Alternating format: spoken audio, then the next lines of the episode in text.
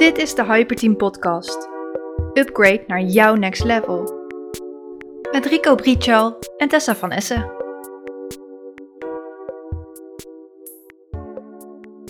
Yes, Jee, we zijn er weer. eindelijk weer, ja. Terug van weg geweest. Oh, het was druk, hè? Ja, het heeft even iets minder prio gehad. Maar we kregen veel te horen van luisteraars. Oh, ik moet niet te veel bewegen, want dan gaat hij heen en weer. Dat ze ons een beetje misten op, eh, op de kanalen. Ja. Dus uh, nou ja, die feedback nemen we te harte om uh, toch maar weer een nieuwe podcast op te nemen. Want hoe, Ja, waar- is het met jou de afgelopen tijd gegaan? Nou, het was gewoon eh, het soort van eh, druk weer, hè? Want we hebben natuurlijk weer de open stand gekregen na COVID. En Ja. het lijkt wel alsof eh, op dat moment. eh ken je dat, dat gevoel dat die, eh, of tenminste dat beeld van dat, dat die koeien weer de wei in mogen na, het, na, de, na de winter? Ja, Ja, dat, dat gevoel beeld heb was- ik zelf ook gehad hoor. dat we weer mochten. Onge- ja, we mochten weer. Dat is een beetje Ja. het algehele sentiment. Dus we zien veel, eh, we zagen een hele toename aan eh, trainingen ineens. En we zijn natuurlijk heel druk geweest met het online programma eh, te filmen en de, editen, waar jij natuurlijk mee bezig bent geweest. Dus had inderdaad weinig prioriteit even. Het duurt niet lang meer voordat we ook de online Performance Academy gevuld en startklaar hebben staan. Hè, om, om onze deelnemers te kunnen gaan overhandigen. Want het is wel echt een cadeautje, vind je niet? Ja, dat vind ik zeker. Ja. Ik vind het ook hoe, het, eh, hoe het tot stand is gekomen, vind ik mooi. Alleen het Ja. verhaal vind ik eh, gaaf om te vertellen. Dus eh, nee, helemaal mee eens. Welk verhaal? Nou, het verhaal hoe het tot stand is gekomen. Als je Oh. zag hoe het, hoe het, hoe het, hoe, hoe- Dat was ook wel een is bumpy echt- ride af en toe. Hè? Ja, dat is het ja. Dat wilde ik net zeggen. Hoeveel uren hebben we niet gestopt in, eh, in eh, dingen die gewoon niet goed gingen. En eh, we wel heel veel energie in gestopt hadden. En eenmaal staat het, dan staat het ook echt. En, ja, maar dus dat, is het ook. Want, want ik bedoel, wij, nou ja, ik durf wel te zeggen dat we goed zijn in ons vak. Maar het opnemen en het maken van een online programma en marketing, alles wat daarbij komt kijken, dat is allemaal gewoon nieuw. Dus dat maakt eigenlijk ook dat wij continu aan het leren zijn, aan het ontwikkelen zijn, dingen aan het uittesten zijn, experimenteren. Dus in die zin heeft het mij al heel veel gebracht. Laat staan wat het nog gaat brengen voor alle mensen die er doorheen gaan. Dat Ja, bedoel dat ik. is wel echt vet, ja. hey, en eh, ook met een leiderschapsprogramma bezig op dit moment. Want dat Zeker. is ook wel wat we aan de experience, eh experiences, hè, de impact experience. Want misschien kan je even uitleggen wat het precies inhoudt. De Impact experience. Ja, Nou, we hebben een, eh, een, een, een, eh, een methodiek om mensen te ontwikkelen. En de methodiek start eigenlijk bij het meten en het weten waar je dan als individu staat. Ehm, en dat is eh, de, impact experience. En wat we feitelijk doen met mensen is ze terugbrengen naar hun natuurlijk gedrag door ze in omstandigheden te stoppen waar ze eigenlijk geen idee meer hebben wat ze moeten doen.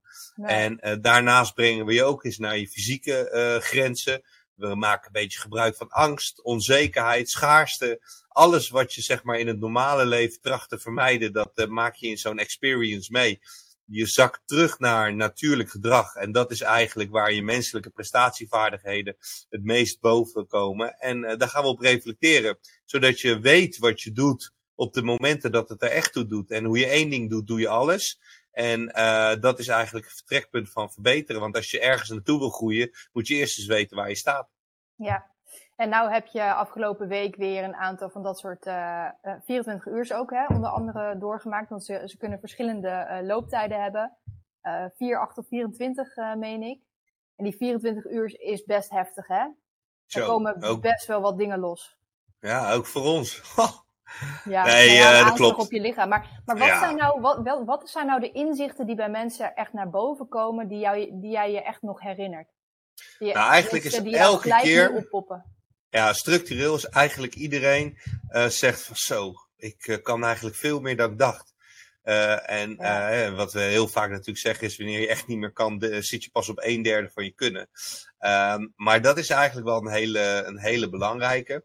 En waar mensen inzicht, elke keer ook weer inzicht in krijgen, is hoe gedragen ze zich nu naar anderen op het moment dat het echt spannend wordt? En wat is hun eigen gedrag op het moment dat het spannend wordt? En Ja. dan zie je eigenlijk dat mensen zich helemaal niet bewust zijn van eh, hun gedragingen op die momenten.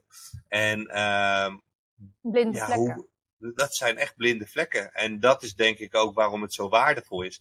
En weet je, je kan in een klaslokaal gaan zitten en het gaan hebben over blinde vlekken. Of eh, we laten het zien. En een blinde vlek die heeft gewoon gevolgen in zo'n eh, omgeving. Want Dus een blinde wij- vlek wordt in één keer zichtbaar.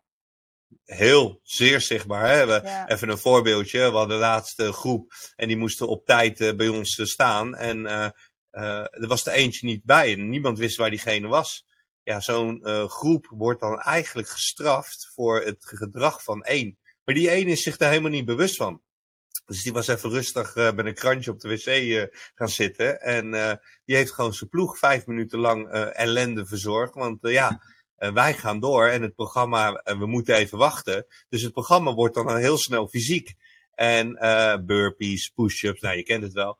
En Leuk. op het, op het, ja, dat, maar op het moment dat dus iemand begrijpt dat zijn gedrag invloed heeft op een hele groep, gaan ze zich heel snel anders gedragen. En dat is mooi. Ja, ja, ja. Dus eigenlijk, je kunt ook je eigen persoonlijke ontwikkeling niet loszien van anderen. Nee, nee, Je want bent je altijd kan... een onderdeel van een groep. Nou, maar dat is met eigenlijk alles wat we om ons heen bereikt hebben. Hè? De weg waar ik naar zit te kijken, de gebouwen. Eh, het is allemaal gemaakt in een samenstel van mensen. En, eh, en als je dus, je kan jezelf naar het hoogste niveau eh, persoonlijk doorontwikkelen. Maar als je dat niet in een groep mensen op een acceptabele manier weet, daar de interactie mee weet te creëren, dan bereik je ook helemaal niks. Dus het is wel degelijk belangrijk om dit met mensen te doen, ja. Ja. En staan er in zo'n groep, eh, staan er dan ook leiders op? Mhm. Soms worden ze aangewezen. Dat zijn voornamelijk de mensen die wat minder assertief zijn. Die worden natuurlijk naar voren geschoven. Omdat we eenmaal dan een veilige omgeving hebben gecreëerd. Waarbij ze vaak wel durven. Ja. Ehm, maar er staan ook gewoon natuurlijk leiders op. De, vaak de mensen die eh, aangewezen worden, die wat minder assertief zijn, die worden heel vaak overrompeld door de mensen die heel assertief zijn. En dan zie je eigenlijk, dit gebeurt dus ook gewoon op een werkvloer. Dus iemand die heeft misschien een heel goed idee, maar omdat de andere een grote smoel heeft of veel dominanter is of wat dan ook, zie je eigenlijk dat die ideeën gewoon weg hebben, omdat iemand op een gegeven moment denkt, nou weet je, laat maar, ik ga het ook niet zeggen ook. ja, en Ja. dat zie je dan terug in, op, die, eh, op die groepsinteracties. ja, ja, dus eigenlijk wat minder assertief gedrag of bescheidenheid, hè, wat ook heel veel mensen ervaren, of zich minder snel profileren. Dat kan ook een valkuil zijn op het moment dat dat inderdaad weg wordt geschoven en dat het wordt overrompeld. En dat is denk ik Ja. ook wel een van de dingen. Hè, waar, we hebben het ook vaak over leiderschap. En eh, het mooie is, jij hebt net een nieuwe puppy. Ik denk, Zeker, eh, en een ja. van de dingen waar Angelique ook mee bezig is, is een stukje leiderschap en trainingen geven met onder andere honden. Eh, Ja. Dieren zijn echt hele mooie spiegels als het daarover gaat. Een stukje leiderschap. Dus Direct feedback, hè? directe feedback. Hoe zou jouw hond jou dan omschrijven als leider? Ehm goeie vraag. Ik denk ehm, dat mijn hond, als hij kon praten, zou die zeggen dat ik, eh, dat ik eh, zorgzaam, lief en streng ben. Oké. En consequent. Consequent ook. Ja, dat is denk ik, handig, zeker met hè? honden is dat eh, belangrijk. Ja. Zeker type honden wat wij hebben. Het zijn gewoon honden die een, eh daar zit karakter in. Ja. Hebben een sterke eigen wil. En Ja. ook nog eens het gevaar dat als zo'n beest. Kijk, een, een labrador die bijt, die richt ook schade aan. Maar onze honden staan erom bekend. Dus dat stigma wat dan om zo'n beest heen heerst, dat zorgt al dat mensen zich anders gaan gedragen. Dus dat beest moet gewoon heel kalm en stabiel zijn. En eh, ja, daar, daar, daar hoort een bepaalde consequente opvoeding eh, hoort daaraan vast. En dat is echt leiderschap tonen. Want als jij niet toont dat je in je kracht staat, zal het dier het voor je over gaan nemen. Die, die zal dan willen domineren. En dat is wat je vaak ziet, hè? dat ze dan gaan blaffen bijvoorbeeld. Ja, blaffen of eh, ze gaan heel dominant gedrag vertonen naar andere honden. Of ze, gaan, ze lopen heel zichtbaar is wanneer ze bijvoorbeeld voor je uit gaan lopen. Eh, dat betekent eigenlijk dat jij onvoldoende leiderschap toont op dat moment. En wat zie je ook heel vaak? Mensen lopen met een mobiel in hun handen, zijn helemaal niet bezig met hun omgeving. Daar wordt het dier in de basis onzeker van. En natuurlijk zijn er ook hele easygoing honden. Hè? Ik bedoel, laten we dat voorop stellen. Maar een hond waar een dominant karakter in zit, waar uh, een, uh, die jou gaat beschermen op het moment dat jij even niet alert bent, ja, die moet je, daar moet je gewoon voortdurend leiderschap over hebben. Ja, is dat ook op het moment dat jij zelf minder alert bent, dat de, de hond dan ook dominanter gaat doen? Zeker. Ja, want uh, de hond denkt van, hallo baas, je ziet het niet, moet ik het voor je doen? is dat eigenlijk hetzelfde hoe kinderen doen? Of hoe, hoe mensen in een team het doen? Op het moment dat je zelf wat minder alert bent? Nou, ik denk dat mensen in een Nou, ik denk dat met een hond-mens-relatie, dier-mens-relatie, dat gaat veel meer terug naar de natuur. Je non-verbale energie eh, of non-verbale communicatie en je energie worden dan leidend in de communicatie tussen mens en dier. Uh, en bij mensen, wat het grootste probleem is, is dat mensen niet in staat zijn, heel vaak, om in het perspectief van de ander te stappen. En, dan kun je nog zoveel energie uh, over en weer zenden, nog zoveel non-verbaal. Maar als iemand blijft beredeneren vanuit zijn eigen perceptie, ontstaan gewoon grote communicatie-issues. En dan gaan mensen op basis daarvan gaan mensen uh, handelen. En uh, wat je veel ziet in groepen mensen, is dat iemand beoordeelt een ander op gedrag en beoordeelt zijn eigen handelen op basis van de intentie. Ja. En daar zit heel veel problemen zitten, daar komen daaruit voort. Ja, ja, dus ook meer na gaan denken over de intentie van een ander. Dat zou een hoop opleveren, denk ik. Ja, of gewoon vragen. Maar, ja, of gewoon vragen. Maar ja, een hond kan dat ook niet. Een hond doet denk ik heel veel intuïtief. Ja. Op basis van non-verbaal, uh, alles wat hij om hem heen ziet gebeuren, gaat hij interpreteren vanuit zijn hondenbrein. Dus feitelijk is dat natuurlijk niet anders. Hij doet ook een soort aanname op intentie van een ander vanuit aangeleerd gedrag of aangeboren gedrag bij een hond, denk ik ook. Maar ook aangeleerd, hè? want een hond kan ook dingen ervaren waardoor hij eerder zal gaan blaffen. Omdat hij misschien een trauma heeft meegemaakt of mishandeld is. En dat geldt eigenlijk voor een mens ook. Nou, ik denk dat met, uh, met honden zul je zien dat zij, uh, als jij, voorbeeld, ik wil, hè, dat is, gebeurt gewoon dagelijks in de praktijk bij Angelique. Ja, ik wil gewoon een hond hebben die, uh, waar ik gewoon lekker mee kan wandelen, gezellig. Eh, Angelique is hondengedragsdeskundige. Ja, Even, gedragsdeskundige, ja. ja. ja. En uh, Luffy Duffy, lekker op de bank hangen. En uh, het beest mag alles, want het dier is genomen als een soort van vervanger voor, het, voor een kind. Maar wat je. COVID, hè, gezellig. Ja, dat gebeurt ook heel veel inderdaad. Maar wat je, als je niet in het dier verplaatst, dan, en je weet niet wat voor dier je hebt en welke karaktereigenschappen daarbij horen, ga je elkaar überhaupt niet begrijpen. Want in dit geval heeft de persoon een Mechelse herder aangeschaft en dat is een werkhond. Die wil werken, die wil elke dag bezig zijn voor jou en dan is het de allertrouwste hond die je kan verzinnen. En nu vliegt hij zo'n beetje elke fietser aan die hij tegenkomt. Ja, dat is niet zo gek, want hij wordt niet voorzien in zijn behoeftes. Dus, dus eigenlijk als je wordt zijn capaciteit niet benut. Niks. Nee. ze hadden een chihuahua moeten nemen, bij wijze van spreken. Ja, zelfs Die, die, die kennen nog veel andere fel, problemen. toch? Ja, ja, ja, ja, die denken namelijk als ze in de spiegel kijken, dan zien ze daar een leeuw staan. Ja. Uh, dus, uh, dat hebben ook wel meer mensen trouwens. Ja, ja, bedoel je nou mij? Ik zeg niks. Nee, heel goed.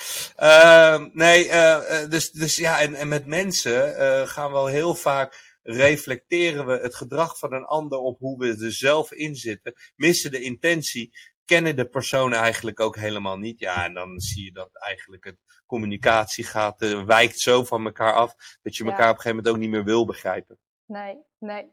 Nou ja, en een van de dingen die ik zelf heel erg herken in het bedrijfsleven, is dat ik heb, on, ik ben leidinggevende geweest, maar ik heb ook onder veel leidinggevenden gewerkt. En de een kon mij meer prikkelen dan de ander. En bij de een kon ik ook meer mezelf zijn dan bij de ander. En sterker nog, ik kon bij uh, eentje in mijn vroegere werkervaring, hè, in het begin dat ik weer ging werken, meer mezelf zijn dan dat ik later in mijn werk kon, kon zijn. Snap je hem nog? Dus ja. ik merkte heel erg dat, dat mijn ontwikkeling ook heel erg afhankelijk was van de leider die ik uh, op dat moment uh, had. Dus de leidinggevende die ik dat op dat moment had. En waar we het laatst ook over hadden, er zit wel echt heel erg een verschil tussen managen en echt leiden en inspirerend leiderschap. En dat heb ik zelf echt aan den lijve ondervonden. Alleen wist ik toen nog niet precies wat het nou was. Uh, maar daar zit wel echt onwijs veel verschil in. Hè? Je, je kan een leidinggevende zijn, maar het wil niet per se zeggen dat je dat promotie maken, hè, wat heel veel mensen eh, zeggen van, oh wat gaaf, word je leidinggevende, heb je promotie gemaakt. Alsof dat de beste stap vooruit is. Maar ik geef heel vaak terug dat je niet per se promotie maakt of een stap vooruit zet op het moment dat je in het profiel van een leidinggevende stapt. Want het ligt ook heel erg aan wie jij zelf bent, wie jij wil zijn en ook op welke manier en hoe ver jij bent in het profiel van leidinggevende. Maar dat is wat anders dan een meewerkend voorman of een manager. Hoe Zeker. zie jij dat? Nou, kijk, even terugkomend op die honden. Uh, die honden, daar kun je woorden tegen kiezen, daar kun je heel technisch tegen worden. Maar die hond, die kijkt alleen maar naar één ding en dat is gedrag en emotie. Ja. Uh, als je gaat kijken naar het bedrijfsleven, die manager, dat zijn heel vaak mensen die overcapaciteit hebben ontwikkeld in het werkveld waar ze in zitten. Dus heel goed zijn in het werk wat ze doen. Sublieme processen, procedures verzinnen om steeds beter, steeds sneller, steeds groter, whatever eh, te worden. Dus die zijn heel waardevol om, een, om, om de kwaliteit te verbeteren. Maar wat gebeurt er? Die worden dus naar een hoger niveau getrokken. Die, worden dus, die zijn in staat om dat werk te managen. Maar een leider, die koppelt daar emotie aan. En die, zit, die gaat wegblijven van, de, van de, alleen maar de technische vaardigheden. Daarom hoeft het ook niet per definitie zo te zijn dat een leider dezelfde technische skills moet hebben als de mensen in de ploeg. Ja. En sterker nog, ik vind zelfs dat dat helemaal niet hoeft. Maar een leider focust zich op met name de mens achter een professional. En de manager focust zich op het werk vanuit de professional. Ja, ja. Dus dan heb je het ook heel erg over als je gecoacht wordt, hè, of als je uh, soms ook, uh, uh, hoe noem je dat ook weer, bila's en zo hebt, uh, overleggen. Oh, hè. Het is überhaupt, ja, het is überhaupt niet gebruikelijk dat het overal gedaan wordt. En het kan verschrikkelijk zijn, maar het kan ook een manier van coaching zijn. Want ik heb het bij sommige leidinggevenden echt als super waardevol ervaren. Dat ik altijd blij was dat ik weer een bila had, omdat het eigenlijk continu ging over reflectie. Het ging helemaal niet over taakgericht. Het ging alleen maar, hey, hoe was dat gesprek met die persoon uit je team? Hoe verliep dat? Waar liep je tegenaan? Dus ik heb dat als heel waardevol ervaren, omdat ik daar mega grote sprongen en stappen heb kunnen zetten en mezelf ook veel meer heb leren kennen. Juist op het moment dat ik dat niet gelijk in het team kon doen, kon ik daar eigenlijk even uh, in een zijstap zetten en kon ik dat wel in mijn bila gaan doen. Maar dat heb ik niet met iedereen ervaren. Ik heb ook wel met leidinggevende bila's gehad dat ik eigenlijk alleen maar met elkaar, uh, laten we even de presentatie gaan voorbereiden voor dan en dan. Dus heel erg taakgericht. En ja. Uh, nou ja, de reflectie mensgericht, teamgericht, is minstens zo belangrijk in een villa. Sterker nog, wat mij betreft is het belangrijker. En ik heb gemerkt Zeker. toen ik ook wat meer ervaren werd, hè, toen ik eigenlijk meer overcapaciteit ging krijgen op taakniveau, kreeg ik ook meer ruimte om op persoonlijk niveau te gaan interveneren, om het zo maar te zeggen. Dus veel meer op persoonsniveau de ruimte krijgen om gesprekken aan te gaan. Omdat de dingen gewoon liepen. Ik had het onder controle. Ik, had, ik wist precies wat er moest gebeuren. Dus er kwam ook door overcapaciteit op taakniveau meer ruimte. Dus soms is dat ook wel goed om te beseffen. Dat je soms misschien eerst nog even wat verder moet zijn voordat je ook die leidinggevende kan worden die ook meer inspirerend is, meer verbindend en meer ruimte heeft voor het persoonlijke verhaal achter de professional. Ja, nou ja, ik denk dat je als leidinggevende, wat mensen vaak, uh, ik hoor dat wel eens terug in het bedrijfsleven, dat je bepaalde manipulatieskills moet hebben om mensen te laten doen wat je wil. Ja, ik geloof daar helemaal niet in. Ik geloof er juist in dat je Nee. vanuit motivatie en Ik krijg gelijk kriebel inspiratie. van als je dat zegt. Ja, ik kreeg kriebel van die zo. bila. Verschrikkelijk. Maar goed, dat, eh ja, dat dus, zegt dus- ook iets over je eigen ervaring misschien. Nou, omdat ik gewoon, ik vind dat, dat, dat weet je, het, die terminologieën die daar gebruikt worden, die, dat is een communicatiestijl die eigenlijk vertragend werkt op alles. En eh eh even een zijstapje hoor, dan kom ik zo terug op je vraag. Maar ik heb een keer een film gezien van Matt Damon en het ging over de racerij. En toen wilde Henry Ford wilde graag een, eh een, een raceteam hebben. En eh wat er eigenlijk gebeurde is een scenario waarbij er een rode map. Hij komt binnen in het gebouw en die rode map wordt bij de receptioniste wordt neergelegd. Oh ja, dat verhaal ken ik. Ja. En die rode map die gaat een route kiezen. eh, van de ene naar de ander. En eh, uiteindelijk is die eh, rode map. Komt tegelijk binnen met hem in dat kantoor. En toen zei hij tegen Henry Ford. Als je in de racerij wil slagen. Moet je deze routes moet je gewoon verkorten naar één. Eén stap. En eh, dat vind ik altijd in dat, in dat corporate omgeving. Op een gegeven moment heb je gesprekken voor de gesprekken. En eh, daar, daar koppelen we een term aan en dan wordt het ineens weer heel belangrijk. En ja, daar heb ik altijd een beetje een soort van. eh ja. een beetje Tenzij je er wel het maximale uithaalt, hè? Ja, want nee, maar misschien is het ook mijn overtuiging hoor. Nee, ik denk dat je in heel veel gevallen zeker gelijk hebt. En dat het ook heel vaak nog wordt ervaren als een soort van verantwoording van welke werkzaamheden je hebt gedaan en dat je goed op weg bent. Hè? Dat kan, maar dat, dat, dat voelt in mijn ogen als, als onveilig. Op het moment dat je het idee hebt dat je een bila hebt met je leidinggevende, of welk werkoverleg of, of überhaupt overleg, dat kan ook telefonisch kort zijn, dat je het idee hebt dat je moet aantonen dat je goed bezig bent. Dat je, dat je het waard bent om in het team te hebben of, of, voor het bedrijf te mogen, mogen werken. Of dat je het salaris waard bent. Maar heel eerlijk vind ik dat absoluut niet inspirerend leiderschap meer.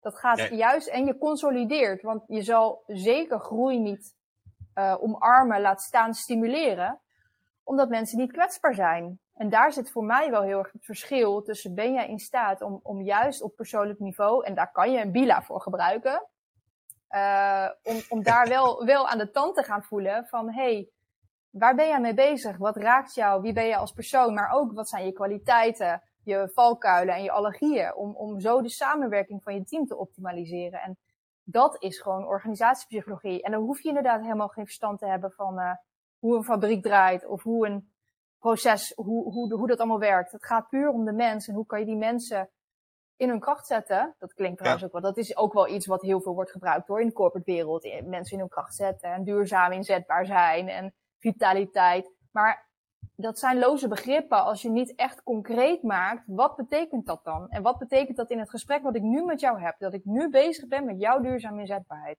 Dat gaat niet over duurzame inzetbaarheid. Dat gaat gewoon over het verhaal van jou.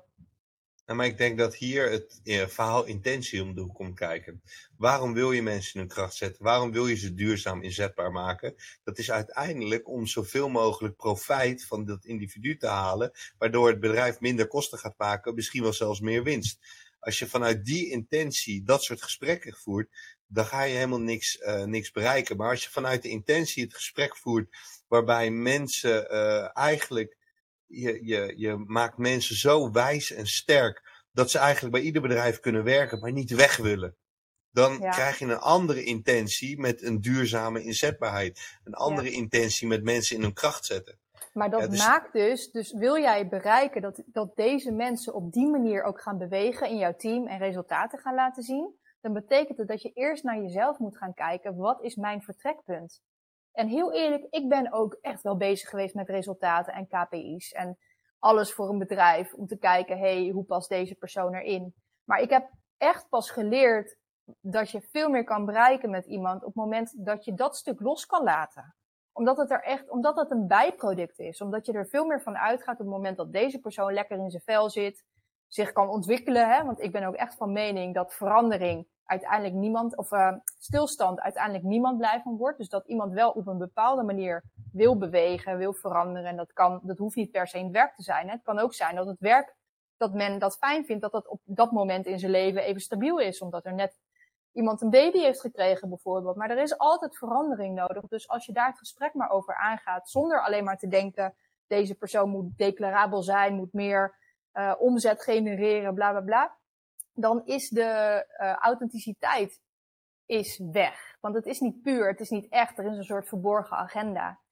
En op het moment dat je dat durft los te laten, vanuit uh, overtuiging en overvloed, in plaats van angst voor schaarste, voor concurrentie of angst dat mensen weggaan bij je, hè, wat, wat jij net zegt, dat kan. Uh, maar als je mensen kan inspireren, willen ze misschien niet eens weggaan bij je. Nee, het is denk ik een beetje een, een, het type leider wat je omschrijft, wat heel vaak ver te zoeken is. En dat heeft wel een beetje te maken met zelfverzekerdheid. Hè? Want een type leider wat onzeker is, dat zal, die zal primair zichzelf beschermen en zijn positie willen beschermen. Angst om dingen kwijt te raken. Maar een zelfverzekerde leider, die uh, heeft dat dus niet. En die is veel meer in staat om uh, vanuit een principe te denken waarbij een besluit impact heeft primair op doelen en op zijn team of omgeving. En als laatste in de prioriteitlijn komt dan de leider zelf. En zelfs wanneer de besluitvorming impact heeft op de leider zelf op een negatieve manier, zal hij toch primair voor de anderen kiezen. Ja, ja, ja. En dat is wel een krachtig leider.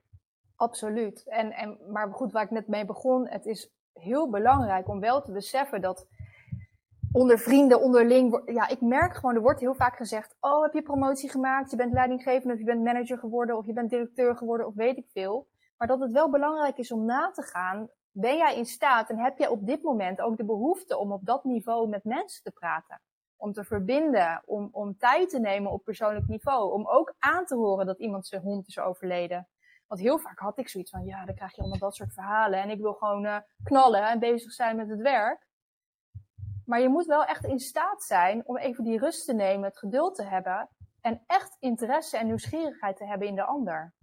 En ik geloof ook dat dat komt, hè? dat dat zeker ook komt met de jaren. Sommige mensen hebben dat van nature iets meer. Die, die, die, kunnen, die hebben vaak ook wat meer uh, zorgverlenende beroepen. Hè? Dat kan ook. Maar als je echt als leider, met name in een commerciële setting, aan de ene kant je doelen moet bereiken en aan de andere kant dat moet doen met het humaan kapitaal, oftewel de mens. Dan is het wel belangrijk dat jij het leuk vindt om dat spel te spelen op een authentieke manier. En dat spel spelen bedoel ik, hoe zorg je ervoor dat jouw mensen maximaal hun potentieel in kunnen zetten? Of in ieder geval zich geïnspireerd en eh, intrinsiek gemotiveerd voelen. Ja, ja, ja het is, ik denk dat dit een, uh, hier kun je echt gewoon vijf uur over vullen hoor. Want dit is een complexe uh, positie. Want mensen inderdaad, wat jij zegt, die willen, sorry, die willen die promotie maken. Maar koppelen heel vaak hun identiteit aan die functie. En als je dan een leidinggevende bent, dan heb je in de status ben je gestegen. En, en je, je krijgt meer salaris, hè? Want dat is ook vaak wel een reden om te accepteren. En eh, nou inderdaad, ik bedoel, en ik snap dat mensen heus wel, ik begrijp heus wel dat mensen meer geld willen verdienen, hè, want dat, dat is ook op zich helemaal niks mis mee. Maar de verantwoordelijkheden die erbij komen. Maar ik vind het ook een, een gebrek aan inzicht bij sommige bedrijven. Niet bij allemaal. Sommigen hebben het echt wel op orde. Maar als jij een, manning, een manager gaat worden en het werk moet gaan managen en je hoeft geen leiders, leidinggevende capaciteiten te vertonen, of je wordt daar niet in gevormd, dan slaat het bedrijf de plank mis. Ik denk dat een bedrijf zich heel goed moet re uh, uh, realiseren dat de mensen die als manager of als leiders in de organisatie werken, een cruciale rol vertegenwoordigen uh, om mensen aan de visie van de organisatie te verbinden. En ook nog eens in staat moeten zijn om de mensen aan elkaar te verbinden om een veilige omgeving te creëren. Uh, als, als je dat gaat begrijpen als organisatie, ga je heel anders uh, met leiders om. En dan krijgt iedere manager krijgt gewoon een training hoe je als leider moet, uh, moet gedragen en wat er van je verwacht wordt. En welke elementen daar daarbij horen. En dat is geen trucje, dat moet gevoeld worden door de leider zelf. Absoluut. En het, wat jij zegt, dat heeft heel erg te maken met je eigen ontwikkeling op het gebied van zekerheid, onzekerheid, maar ook vertrouwen hebben in een ander. Dus op het moment dat je zelf heel perfectionistisch bent, en uh, nou ja, dat herken ik. In mezelf herkende ik dat. Uh, ik herken dat ook in heel veel andere leiders die ik uh, in mijn omgeving heb gehad. Ja, in hoeverre ben je dan in staat om dingen uit handen te geven? En accepteer je dat het misschien net iets minder, mindere kwaliteit heeft dan dat je het zelf zou doen als je het zou opleveren? Maar je hebt wel vertrouwen dat die persoon er meer van gaat leren. Dus daar zit ook wel een stukje. Hè? Durf je te delegeren, durf je verantwoordelijkheid te delen. Maar durf je ook op het moment dat het dan misgaat te zeggen: Oké, my bad dit is mijn schuld. Want ik, of mijn schuld, ik draag hier verantwoordelijkheid voor. En ik heb ervoor gezorgd dat het team in ieder geval uh, deze taak heeft, uh, heeft afgerond, maar niet voldoende of onvoldoende. En ik draag daar de verantwoordelijkheid voor. Durf je dat ook te doen? En wat zegt dat op het moment dat je faalt en fouten maakt over jouw identiteit als persoon, die je vaak hebt gekoppeld aan jouw skills als leider? Ja, dit is een interessante, want ik denk namelijk dat um, perfectionisme is een van de meest ernstigste vormen van onzekerheid uiteindelijk. Um, een soort controle-neiging. Ja, je wil dan volledige controle hebben en dan moet je het zelf doen. En dat kan vaak niet. Dus want je zit in een, in een, in een groep mensen of een samenstel van mensen die. Nou ja, en je hebt vaak een verantwoordelijkheid wat je, wat je, eh, met een portefeuille, wat je echt niet allemaal zelf kunt doen. Ja, hoe ga je dat managen dan? Nou ja, niet. Dus wat zie je? Dat de, de, de, de, dus je moet leiding geven. Nou ja, dat is, eh, delegeren is denk ik de belangrijkste. Kijk, wat ik altijd aanhoud is, uh, als je al het werk, inclusief het leiderschap, al het werk bij elkaar optelt, uh, 10, 80, 10. 10% aan de voorzijde, daar moet de leider staan. Die moet mensen inzicht gaan bieden in waar gaan we naartoe bewegen. Dit is waar we nu staan, dit is waar we naartoe bewegen. Die 80%, dat laat die leider bij dat team liggen die gaat niet micromanagen. Die gaat niet bezig zijn met wat doe je uh, uh, als de printerpapier op is. Dan loop je eerst daar naartoe en dan naar de tweede verdieping. Ja, of, nee, dat doet het. Of, Nee, maar- eh, of spelfouten in een presentatie, want die ken ik ook nog wel. Och, Nou, dat zijn ook van die, van die dingen. Ja. Maar waar het over gaat is, die 80% wordt door dat team gedaan. En aan het einde moet die leider erbij komen om alles weer bij elkaar op een goede manier te structureren. Dan wordt er eigenlijk de opdracht afgerond. Waarbij je misschien dan denkt, die leider die heeft veel minder taken te doen en die heeft veel minder werk. Maar daar staat die leider, als het goed is, in zijn kracht. Maar wat doen de meeste leiders? Dat zijn managers die zitten in die 80%. En die vergeten de 10% voor en de 10% na, waardoor uiteindelijk dat hele proces faalt. ja. Ja, en daarin zul je dus als leider afstand moeten nemen en focus je op het begin en op het eind. En eh, zo krijg je ook veel meer ruimte in je portefeuille om steeds meer taken aan te kunnen. Ja, absoluut. En ja, zo zou je het ook eigenlijk kunnen, kunnen zien, een beetje oneerbiedig. Het is bijna een projectmanagement waarbij de mensen in je team je belangrijkste assets zijn. En elke keer weer kan je het zo gaan benaderen. En wat jij net ook terecht zegt, ehm, het, het werk is wat je managt. Maar de mensen in je team, daar geef je leiding aan. En niet andersom. Nee, Lijkt en me een mooie is, eh, afsluiter voor deze keer. ja, dat vind ik een goeie, ja. we zijn blij dat we begonnen zijn in ieder geval. Ja, toch? Ja, dus op Alleen naar maar de volgende. inspiratie om nog meer te, te, te brainen hierover. Nou ja, het, het, grappige is dat we zelf ook elke keer uit de gesprekken, want even voor de luisteraar, dit is niet gescript. Het is niet dat eh, Tessa mij een lijst met vragen stuurt en eh, eigenlijk spreken we allebei top of mind. Ik, eh, ik reageer op wat, wat Tessa vraagt en Tessa reageert op wat ik soms zeg of wat ik vraag. Dus, dus, ehm, en dat geeft gewoon soms ook nu he- valt het nog mee, maar we kunnen ook soms best een contradictie hebben van een mening. En dat is denk ik alleen maar mooi om te laten zien hoe je daar dan eh, als eh, high performers mee omgaat. Ja, en het zegt eigenlijk ook dat je authentiek kan zijn. En dat je ook vertrouwen hebt in dat de ander het oppakt op het moment dat je het zelf even niet meer weet. En dat je het tot een succes brengt, tot een succesvol einde. Want dat is Ja. wel, je begint aan iets, maar je weet dat je het samen tot het einde brengt. En dat eh, is dit keer ook weer het geval, want we zitten over de 30 minuten heen. Kijk, dat bedoel ik. Dus eh, we hebben dit weer goed gemanaged, Baas. ik ben geen baas. Ik ben een leider. Ik ben ook een leider. Dus eh, komt goed. Tot de Hey, volgende keer. Tot de volgende keer, dankjewel. Dit was het weer voor nu. We hopen dat je het waardevol hebt gevonden en dat je dat ook met ons wilt delen. Mocht je nog niet geabonneerd zijn op deze podcast, doe dat dan even. En we waarderen het ook enorm als je een review voor ons achterlaat.